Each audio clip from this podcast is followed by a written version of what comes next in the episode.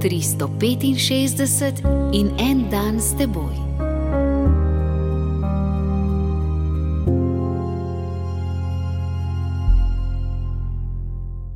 Iz Lukovega evangelija, deseto poglavje, tretja vrstica. Pojdite, pošiljam vas, kakor jagnjata med volkove.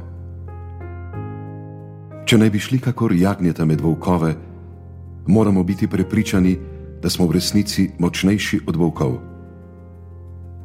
Jezusovi učenci so o tem prepričani.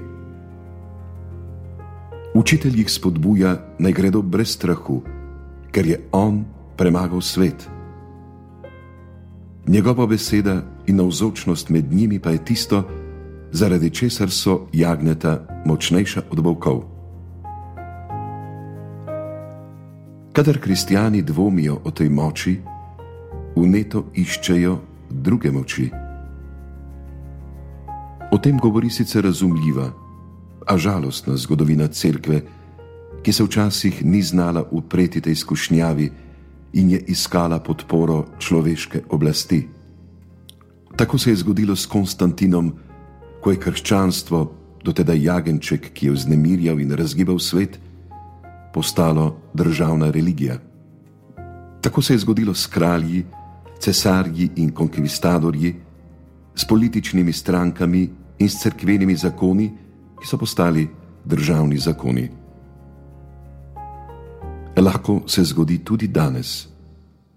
Pozor, kajti kadar kristijani ne zaupajo v neoboroženo moč Božje besede, evangeljsko sporočilo izgubi svojo prodornost in prepričljivost. Vsakokrat, ko se učenci jagneta maskirajo volkove, je Jezus osvoboditelj videti kakor zatiralec, ki mu ne gre zaupati in ki se ga je treba osvoboditi.